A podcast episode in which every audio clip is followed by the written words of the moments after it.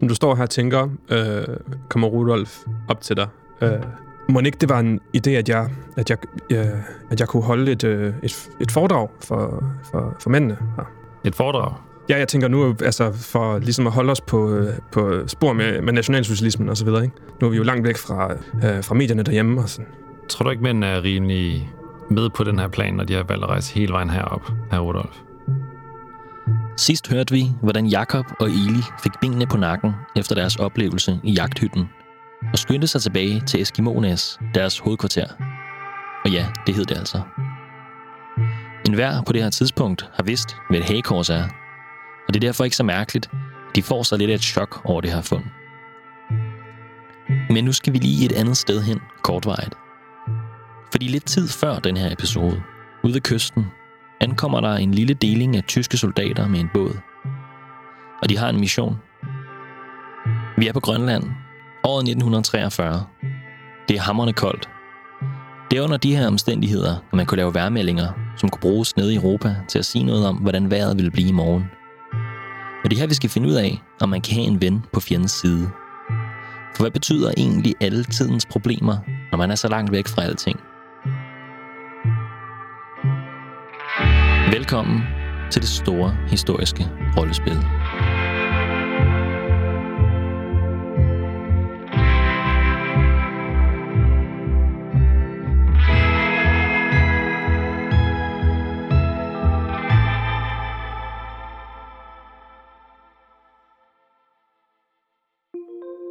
Jeg hedder Kenneth Ladkær.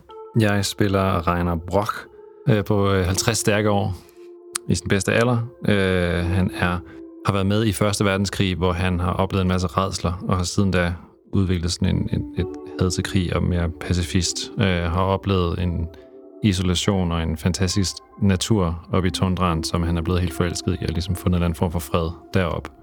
Han er nu øh, stationeret i Norge, hvor han så får den her opgave, som vi må se, hvor ender han for ham. Jeg forestiller mig ham som sådan en, øh, en lidt mindre mand, sådan tæt i det, hvor det næsten virker som de her sådan moderne tøj, han har på, når han er i Norge, virker sådan helt upasset for ham. Han er mere naturlig, når han har sådan noget rigtig sådan klædt i pels og, og det her frilufts øh, jagttøj, og lader nok mest sit skæg og sit hår grå, fordi han synes, det er sådan lidt pjattet, at man skal sådan klippe det pænt hele tiden. Det er jo lige meget, når man er derude. Øh, så lidt sådan vildmandagtig, øh, men også med lidt sådan nogle vågne øjne, og lidt sådan et, et sådan bekymret, meget indadvendt øh, aura fra ham, kan man sige. Reiner Brock står i spidsen for en gruppe af tyske soldater, som er blevet sendt afsted til Grønland for at etablere en værstation. De sejlede afsted fra det besatte Norge, hvor Reiner har været ansvarlig for ombyggelsen af den båd, som de har rejst herop i. Reiner har fået den her opgave, fordi han har noget erfaring fra sin fortid, hvor han har været jæger på Grønland. Han har også været bådbygger og har aftjent i marinen, så han er egentlig en ret kompetent mand. Men som Kenneth også lige sagde, så er han ikke ret vild med krig. Så at komme tilbage til sit elskede Grønland er derfor klart at foretrække, frem for at blive sendt afsted til Østfronten. Og fordi Reiner oprindeligt kommer fra Østrig, så er han altså i fare for at blive indkaldt til hæren. Men Reiner er på ingen måde en overbevist nazist. Han tænker, at han kan blive på Grønland indtil krigen er slut, og så ellers tage den derfra.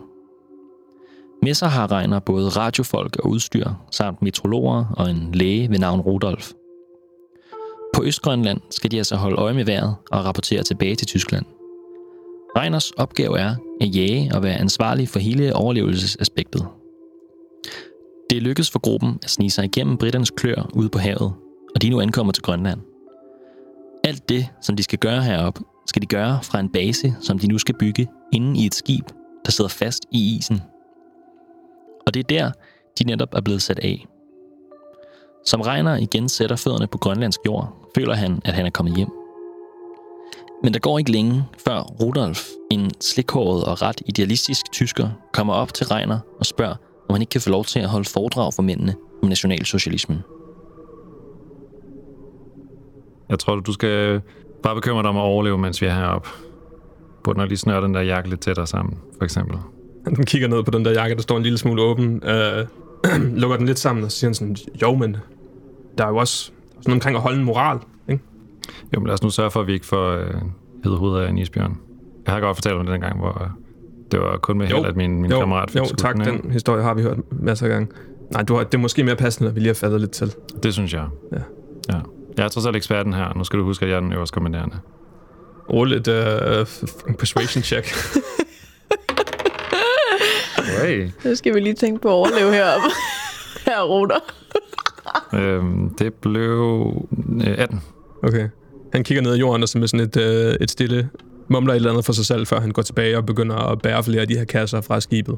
Og øh, der er sindssygt meget udstyr af radioudstyr og forsyninger og alt sådan noget, som der bliver, som der bliver båret ind, og som, som mændene begynder at bære hen mod det der, det der skibsfrag, der ligger længere inde. Øh, hvad føler du? Hvad gør du? Hvad tænker du, hvad der sker? Altså, jeg, jeg tror, jeg tænker igennem min, min, øh, min mission og min ordre, øh, og hvordan man nemmest gør det, øh, uden at, at sætte sig selv ind i fare. Øh, vi skal ligesom derop og, og, og, og kunne gemme os. Øh, og jeg tænker vel også, at jeg skal ud ligesom at prøve at, øh, jeg skal både ligesom hjælpe de her til at, til at overleve og, og fikse det, de skal fikse, mens jeg også selv hvis jeg var alene, kunne jeg ligesom sondere terrænet og, og rejse rundt med min hundeslæde, hvis jeg er det med. Det ved jeg ikke. Øh, og ligesom finde ud af, hvor man kan jage hen og så videre. Så at ligesom kunne tage, prøve at tage den der, jeg tror, jeg prøver at tage den der praktiske hat på, for ligesom at ignorere alle de irriterende ting, og alle de farvefulde ting, og alle de, de ting, jeg, mine bekymringer og ting, så jeg ikke rigtig ved, hvad jeg skal gøre med. Øh,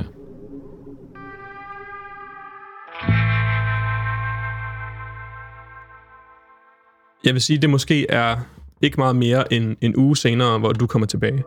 Du har været ude på jagt, og du ved, at I har ikke nogen slæde, og I har ikke nogen hunde, fordi at den ting, den slags har ikke været til at op, opstøve i, øh, i Tyskland, hvor nogle af de her mænd kommer fra, og hvad kan man sige, sådan hundene i Norge har ikke ligesom været, været, været sådan øh, vant til, til de ekstreme forhold, der er heroppe.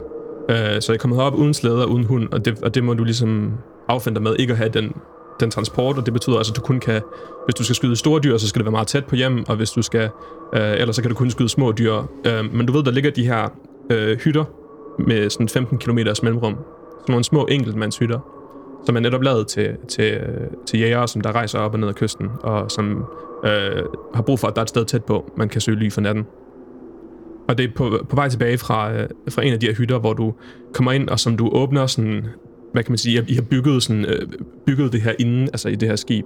Øh, og som du, som du åbner og kommer ind, så ser du, at øh, de to værteknikere sidder ned på en bænk, og Rudolf han står og plapper løs om nationalsocialismen og tusindårsriget, og øh, den ariske race, og, og den, den endelige krig, som der er den krig, vi er i gang med nu.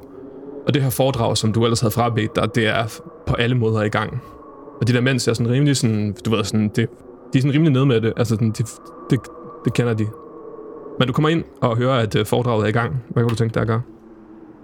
Altså, jeg tror, jeg tror at, at jeg, jeg kommer ind og, og ser det, og sådan lige stopper et øjeblik, der, der jeg træder ind, og kan mærke sådan en øh, irritation og sådan vrede boble op i væven på mig, om at sådan, for helvede, nu gør han det der, så jeg, han ikke skulle. Men at jeg også, også jeg tænker, som du siger, det virker som de bare, at de har den her ideologi, jeg nok ikke kan slukke for. Og det er jeg nok også vant til, efter ligesom at kende krig, og kende, hvordan det er, og kende de her passionerede unge. Og jeg tænker, at det bedste er nok bare at lade ham snakke færdig. Øh, noget af det, der går op for dig, som du kigger rundt, det er sådan, at de her mænd, de skal lave et eller andet. Og lige nu har de siddet indenfor i flere dage, og er kommet til det her sted, hvor at de knap nok kan gå uden for en dør. Mm. Øh, den ene ting, som de har, det er at snakke med hinanden. Og så skal de, de her to værmænd skal sådan hver femte time, de skal ligesom tjekke ind med radioen, lave nogle målinger, læse på nogle instrumenter, og så sidde og kode de der ting, og så sende en besked afsted. Og det er det eneste, de gør. Det er det eneste, de gør. Og det skal de gøre hver femte time, så de sidder og skiftes, og, de, Ja. øhm, og det skal de gøre på ubestemt tid, indtil Okay. krigen er slut. Og jeg har lige været ude og jage, så jeg kommer sikkert tilbage med noget, en fangst. Okay, men så kommer jeg ind, og så øh, hænger den der fangst op. Placerer det der, hvor det skal placeres. Og så tænker jeg, at, øh, at det er måske meget godt, at de får noget at lave. Så jeg begynder at kalde på, på altså råbe deres navne op. Godfried, Heinz, når underholdningen er færdig, så kom jeg over til mig, så skal jeg vise jer, hvordan I gør de her dyr klar. Hvad, hvad skulle det være? Ja, jeg trækker en lille kniv og rækker til, til den ene. Så kan du bare træde til dyret her. Nå, ja. Nej, ikke der, ikke der. nej. Så tager jeg hans hånd. Og så Jeg er ikke sikker på, at jeg ved, hvordan. For jeg har helvede ikke. da. øhm, Det er vigtigt, lyt nu godt efter begge to, ikke? Det er vigtigt, at I ved, hvordan I gør det, hvis nu jeg kommer til skade eller et eller andet, og ham derovre skal sørge for, at jeg er okay igen. Det kan godt tage noget tid, før jeg så er klar til at gøre det. Værstationer var enormt vigtige for udførelsen af militære aktioner, og var nogle gange afgørende for, om en mission ville lykkes eller ej. Før mange af de ikoniske begivenheder i krigen blev der nervøst ventet på de rette vejrforhold, da det ellers kunne spolere hele missionen. Men uden de moderne teknologier, som vi bruger i dag, så måtte man have nogen til at sidde langt væk og melde tilbage, hvordan vejret ville blive. Derfor er Tyskland nu opsat på at få en værstation på Grønland, for at kunne få fingrene i de dyrebare vejrudsigter. Det virker måske lidt som en loppechance i sammenligning med, hvad der ellers foregik i 1943. Og det var det måske også. Men ikke desto mindre, så var chancen for at arbejde på en værstation en mulighed for at komme væk fra krigens rædsler.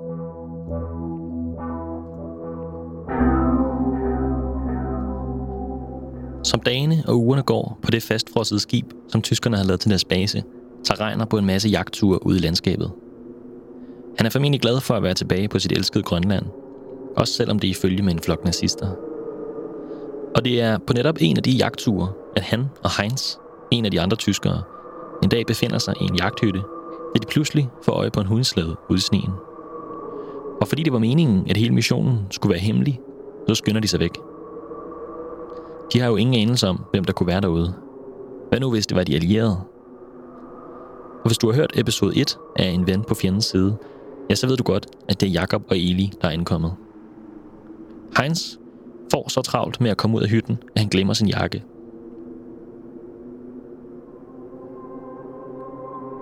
Jeg tror, altså hele vejen her, tror jeg, jeg regner bare er sådan løbet. Jeg har bare løbet og sådan og bandet og svoglet over, hvordan kunne, det, hvordan kunne vi være så dumme, hvordan kunne det ske, og helvede, hvor, hvorfor så jeg ikke mig for, og øhm, så snart vi træder ind, så, så hiver jeg min egen jakke af, sådan for satan helvede, og sådan kaster rundt om, øh, om Heinz, som jeg tænker må være sådan helt næsten bundfrossen, Ja. og håber bare, at han ikke har fået frostbid og er, er kommet for meget til skade. Ja. Og Rudolf Ja. med det samme, han ser ham, tager imod ham og begynder øh, at sætte ham hen til kaminen og begynder at varme et eller andet Ja. til ham, hvor et øh, Godfrid, som der er den, den sidste tilbage, ligesom kigger spørgende på dig og sådan, hvad, gud, hvad er der sådan? Ja, vi blev opdaget for helvede. Og nu kan de følge vores spor, og muligt. vi, er, vi, vi er problemer. Send, send bud tilbage og spørg dem, hvad vi skal gøre. Skal vi forlade posten, eller skal vi... Hvad skal vi gøre? Han med det samme øh, går i gang med sådan, og sådan febrilsk begynder at skrive i sin, i sin notesbog, og du kan bare mærke de der brændende øjne, der kommer over fra Rudolf omkring sådan, hvordan fanden kunne I blive opdaget? Og den der skepsis, der sådan hele tiden ligger lige under overfladen på alt, hvad du gør. Jeg ignorerer det. Jeg, har- jeg har brug for at bare være og forberedt. Øhm, så jeg, jeg ignorerer det. Jeg sender måske selv sådan et stikkende sådan, ikke nu Mm. blik, og så øh, går jeg over og ligesom kigger ud i natten. Øhm, men man går ligesom ind og prøver ligesom at få mig et overblik og begynde at pakke nogle ting, hvis vi skal afsted hurtigt. Der går ikke særlig længe, før at ordren kommer tilbage fra Berlin omkring, at I skal tage konfrontationen med dem. Øh, i har kun set to skikkelser, og det kan være, at I kan nå ligesom at fange det her. Tag afsted med det samme. Jeg tror, da jeg får den ordre, så ærger jeg mig så meget over, at det skal ende i noget vold. Og jeg havde virkelig håbet på, at den her mission kunne være en måde for mig at undgå den her krig på. Øh, og bare lade ting ske. Og jeg står ligesom og, og, og bare prøver at holde det inde. Men kan så ikke holde det inde. Altså vreden ender med at overtage. Så jeg sparker bare så hårdt jeg kan til ældrene, der står. Jeg sådan kan lade min vrede gå ud over. Og så kigger på den og altså siger, gør jeg klar. Vi skal afsted nu med det samme. Og øh, du ser jo ilden tænde i Rudolfs øjne, som han pakker det der, øh, hans, øh, hans øh, ligesom tjenestevåben, som der bare har ligget stille alt for længe i hans, i hans øjne. Og i natten begiver jeg ud.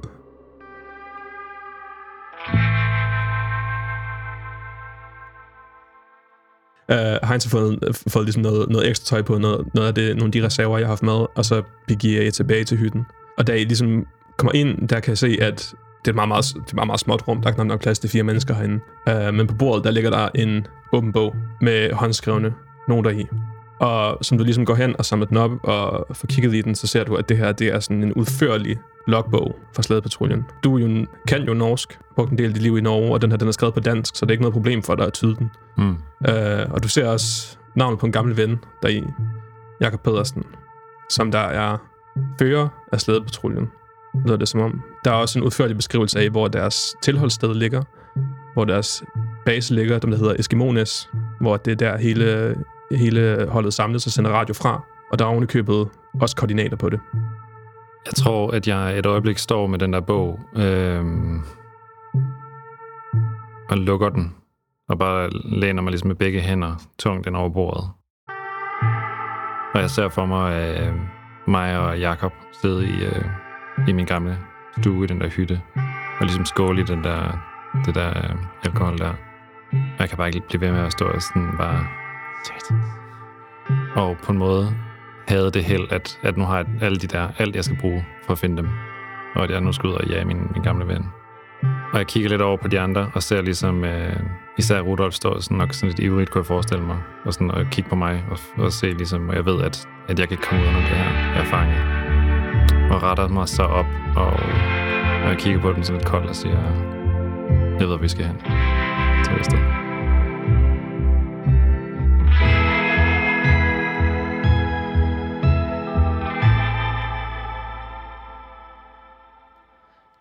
At Eli glemte sin dagbog i jagthytten, var nok et af de største fejltrin, der blev begået i hele den her affære. Fordi tyskerne ikke havde nogen slæde og generelt var ret underudstyret til at bevæge sig rundt på Grønland, så ville chancerne have været ret små for, at de kunne forsøge at sætte efter danskerne. Men fordi Elis dagbog fortæller præcis, hvor Eskimones ligger, ja, så er det ikke så svært længere. Og efter at have set i øjnene, at han nu skulle lede en ekspedition i jagten på sin gamle kammerat Jakob, begiver Reiner sig ud i sneen for at tage konfrontationen, sådan som de havde fået besked på fra Berlin. I mellemtiden er Jakob ankommet tilbage til Eskimones. Og som de kommer indenfor og skal lægge en plan for, hvad de nu skal gøre, begynder virkeligheden at gå op for dem. Eli, øh, jeg skal nok spænde hundene for os noget. Du bare gå ind og begynde at, at kode og sende besked. Eli, øhm, det er sådan, jeg, jeg, er ikke, altså, jeg er ikke helt skarp på, på den der... Nej, okay. Øh. Godt. Du spænder hundene fast. Ja. Så giv mig dine noter, så kan jeg gå ind og gøre det. Øh, okay. Øhm, han rækker ned sådan... Øh, rækker ned i jakken, og... Øh, nå, det var mærkeligt. Altså, kigger lige. Øhm, åbner jakken op og stikker, stikker hånden ind i indlommen. Så kan du bare se, hvor lille han føler sig, når blikket møder dit. Du kan udmærket mærke på ham, at den der notesbog, den er sgu... Den har han ikke. Jeg bliver ramt af... Nej. Nej, nej, nej, nej. Det her, det sker ikke. Eli, hvor er den? Altså, jeg, jeg tror, jeg har tabt den, eller et eller andet. Jeg, Du tror, du har tabt ikke- den? ja, det kan godt være, at jeg ikke lige fik lukket lommen ordentligt. Jeg tager mit, sådan, mine hænder op til hovedet og går rundt sådan... Eli, for fanden altså! Jamen, jamen, har du ikke taget nogen noter? Vi kan da godt Jeg har da ikke taget nogen noter. Det handler jo ikke om, om, om, om, hvem der har noterne. Det handler jo om, at hvis de finder den bog, så kan de jo finde ud af, hvor vi er. Ja, ja. Det kan jeg godt se. Jeg, sådan, jeg kan mærke, at sådan mit, du ved, jeg er helt op at køre, så jeg skal sådan gå væk fra ham, fordi jeg er sådan, okay, det løser ikke noget, at jeg bliver sådan mere og mere vred på Eli lige nu, så jeg går lige over for mig selv og sådan står og sparker lidt til noget is, mens jeg sådan tænker mig om, kigger ud, jeg kan se, det er mørkt nu, øh, vi kan ikke vende om, vi kan ikke gå tilbage og hente den her bog. Og så begynder jeg at overveje, hvorvidt er det et problem øh, at sende besked om, at vi nu har sådan, er blevet opdaget. Ja. Hvor, hvor, hvor meget problemer kommer vi i, hvis vi fortæller, at vi nu har givet tyskerne information ved en fejl. Og så tænker jeg sådan, ej, hvor dum har man lov til at være sådan. Hvordan kan han være så blank? Altså, manden er jo idiot. Han skal slet ikke være herude. Det er, sådan, det er slet ikke for ham jo. Altså, han skulle blive hjemme og passe grise eller et eller andet. Det her, det er jo... Nå, okay. Øhm, Men hvis, øh, altså, hvis vi nu kalder det over radio, så, så kommer amerikanerne, og så, er det, så ordner de det, tror du ikke det? så ordner de det. Ja. Gør de, gør de ikke det? Det... Øh... Ej, du, du... Du skal ikke snakke til mig lige nu. Som mødet mellem danskerne og tyskerne nærmer sig, har alvoren sænket sig over det ellers fredelige Østgrønland. Krigen er ankommet, det er nu op til de to anførere, Jakob og Reiner, at beslutte, hvordan tingene skal forløbe herfra. Men på begge sider er der ting, som stadig er uklare. Lige nu er det kun Reiner, der ved, at han kender Jakob. Hvordan vil de ivrige unge tyskere med deres fascination af nationalsocialismen opføre sig, nu hvor kampens time endelig er kommet? Og hvorfor tror Eli og Jakob, at amerikanerne vil komme og ordne sagerne, hvis de får kontakt til dem over radioen. Få svaret på alt det i næste uge. Tusind tak, fordi du lyttede med på andet afsnit af En Ven på Fjendens Side. Vi vil rigtig gerne opfordre til, at man går ind og følger os på Instagram, hvor vi løbende lægger ting ud om de episoder, vi laver. Vi vil også rigtig gerne opfordre til at skrive til os, hvis du har spørgsmål eller kommentarer, eller hvis du har en idé til et rollespil, du gerne vil høre. Og hvis du kan lide vores podcast, så spred ind i ordet. Tak til Stine Knudsen, som har spillet Jakob Petersen i podcasten står Malte Duholm, som har været Game Master og som har skrevet spillet. Rikke Matti har lavet research og har skrevet de historiske speaks. Jeg hedder Anton Færk, og jeg har stået for klipning og lyd. Tak for nu.